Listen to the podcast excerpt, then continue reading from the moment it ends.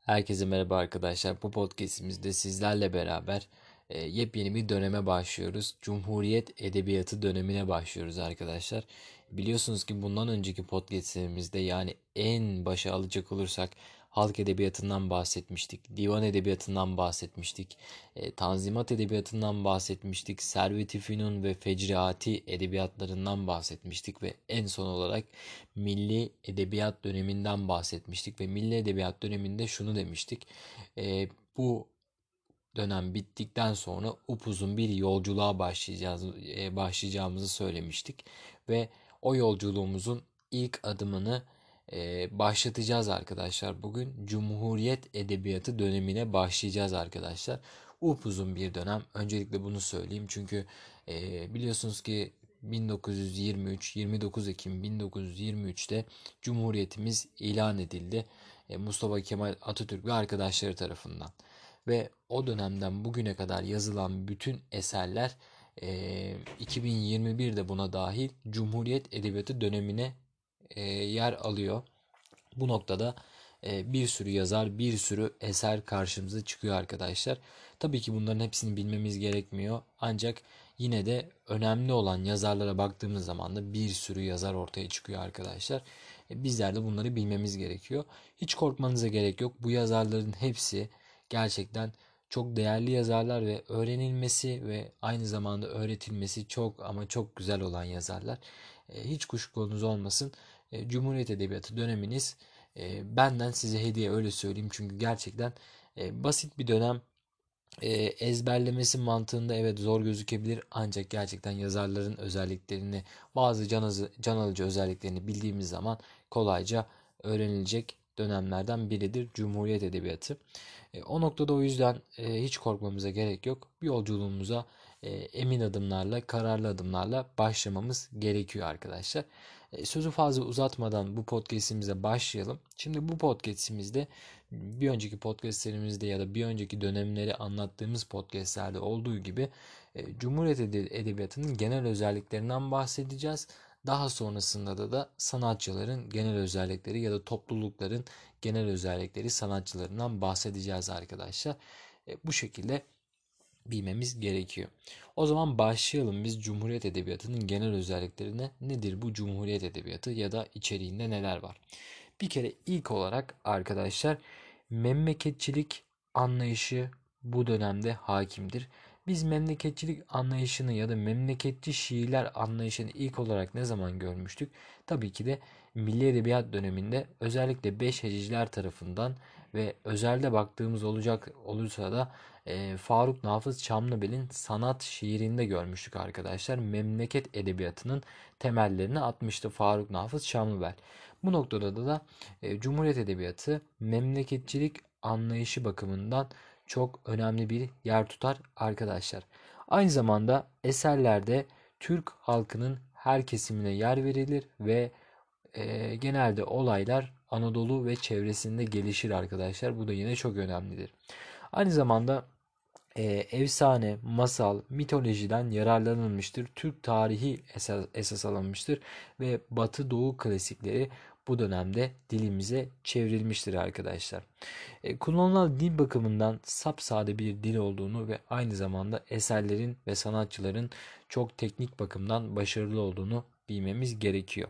Bir de arkadaşlar tabii ki bu dönem Cumhuriyet Edebiyatı olduğu için e, Cumhuriyet deyince de aklımıza Mustafa Kemal Atatürk geldiği için haliyle eserlerde Atatürk ilke ve inkılapları sıkça işlenmiştir. E, diğer konularına baktığımız zaman da hani demiştik ki Anadolu'ya yer verilmiştir diye. Anadolu'daki konulara baktığımız zaman da Türkiye'nin gerçekleri, köy yaşamı, Cumhuriyetin kuruluşu gibi kavramlar eserlerde sıkça işlenmiştir.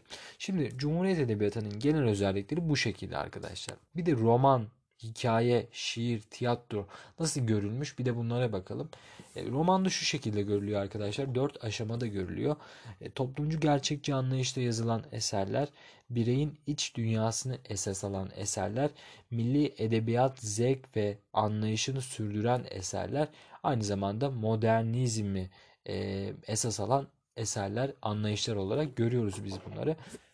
Bunlardan da bahsedecek olursak ilk olarak toplumcu gerçekçi anlayış dediğimizde aklımıza toplumsal sorunların gel gelmesi gerektiğini, e, pek sağlam bir kurgu olmadığını, aynı zamanda da e, sanatçıların eserlerini halkı aydınlatmak için verdiğini bilmemiz gerekiyor.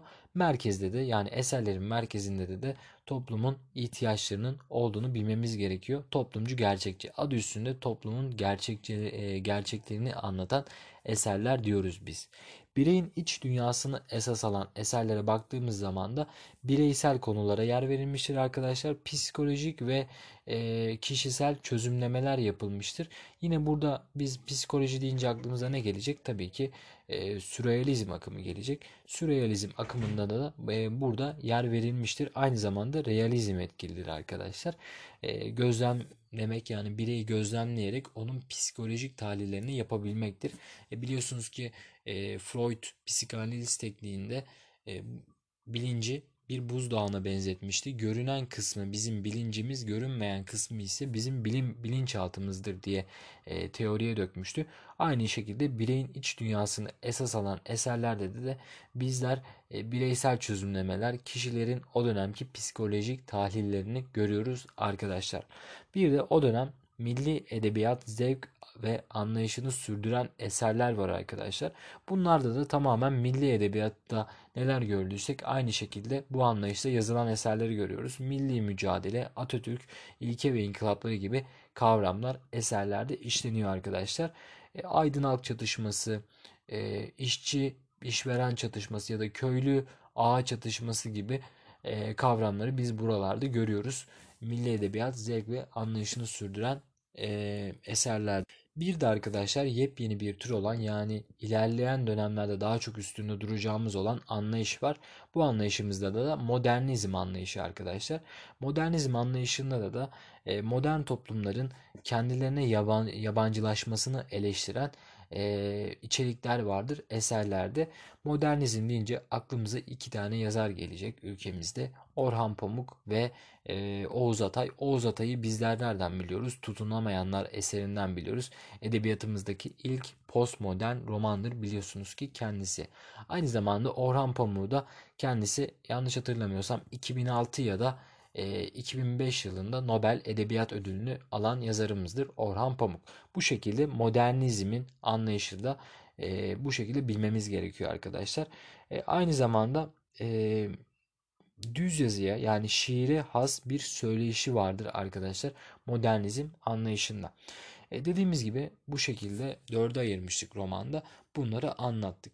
E, bir de şiire bakalım. Hani şiirdeki genel özellikler neymiş Cumhuriyet Edebiyatı'nda ki zaten Cumhuriyet Edebiyatı'ndaki şiirler olağanüstü güzellikte arkadaşlar. Özellikle saf şiir anlayışına baktığımız zaman ve şairlerin adını söylediğim zaman siz de bana hak vereceksiniz. Hani bu şairlerden bu kadar e, iyi yazılar çıkması zaten kaçınılmazdır öyle söyleyeyim.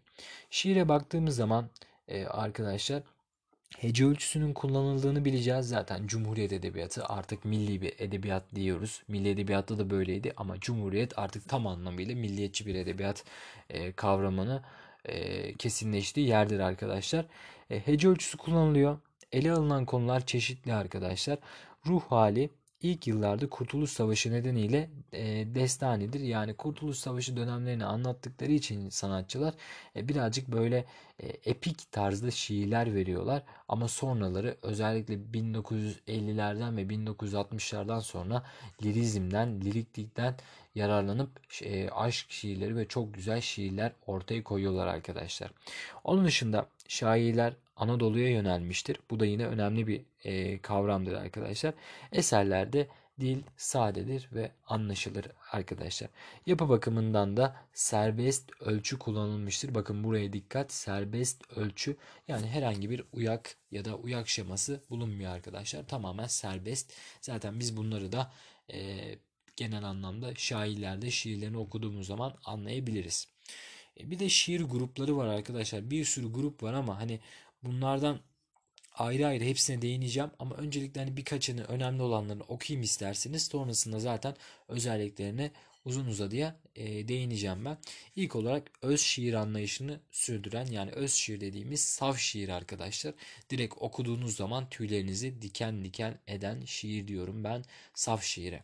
Aynı zamanda yedi meşaceciler, serbest nazım ve toplumcu şiirciler, maviciler, hisarcılar, garipçiler, garip dışında yeniliği sürdürenler, 1960 sonrası mistik şiir, ikinci yeni gibi pek çok arkadaşlar şiir topluluğu vardır.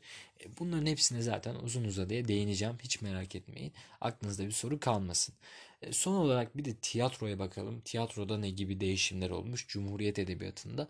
E, Cumhuriyet Edebiyatı'nda tiyatroda arkadaşlar Batı modeli benimsenmiştir. Batı modeli benimseniyorsa hangi türler vardır? Tabii ki dram, trajedi ve komedi yani komedya.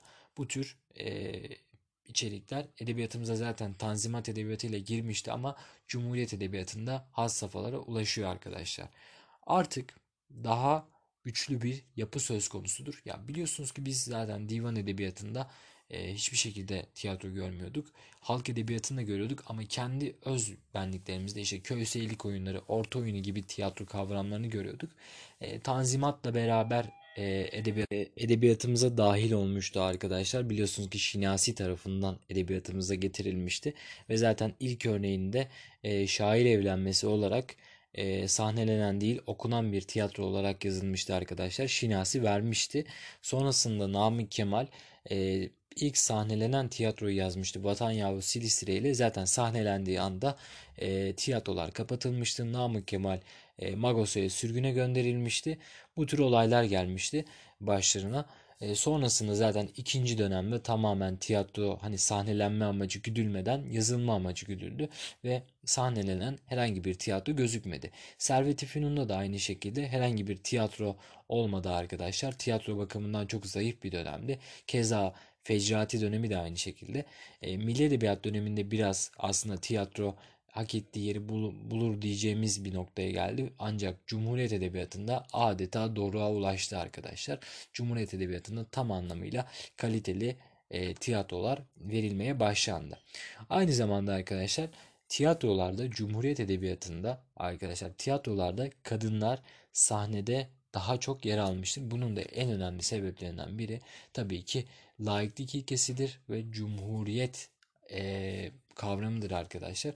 Bundan öncesinde yine Cumhuriyetimizin e, edebiyatımıza kazandırdığı en güzel yeniliklerden biridir. Kadınların hayata daha fazla karışması, hayatın içinde daha fazla yer alması, yine sanatta da aynı şekilde daha fazla yer alması. E, bu noktada da, da tiyatrolarda fazlaca kadınlara yer veriliyoruz arkadaşlar. Hani öyle bir dönemdi ki yani mesela halk edebiyatı dönemine baktığımız zaman e, orta oyunda ya da yanlış hatırlamıyorsam köy seyirlik oyunlarında hani kadınların oynamasını o kadar karşılardı ki kadın kılığına girmiş erkek oynatıyorlardı. Buna da biz ne diyorduk? Zenne diyorduk arkadaşlar. Böyle kavramlar vardı yani. E, bu noktada e, çok ilerilere geldiğimiz aşikardır Cumhuriyet Edebiyatı'nda. Onun dışında modern tiyatro anlayışı gelişti arkadaşlar. E, devlet tiyatroları açıldı. Ankara'da, İstanbul'da, İzmir'de, Bursa'da ve pek çok şehirde bugün de Kadıköy'de İstanbul Üniversitesi'nin e, tiyatro binası vardır. E, çok güzel tiyatrolar vardır arkadaşlar. E, İstanbul'da olanlar oraya uğramasını tavsiye ederim. Ben de birkaç tiyatroya gitmiştim. E, fiyatlar da çok makul derecede uygundur arkadaşlar. Çok kaliteli tiyatrolar vardır Kadıköy'deki e, tiyatro sahnesinde.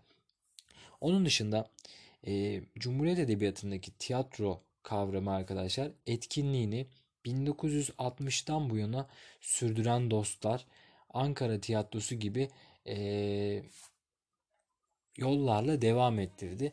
E, pek çok tiyatro açıldı aslında ülkemizde arkadaşlar.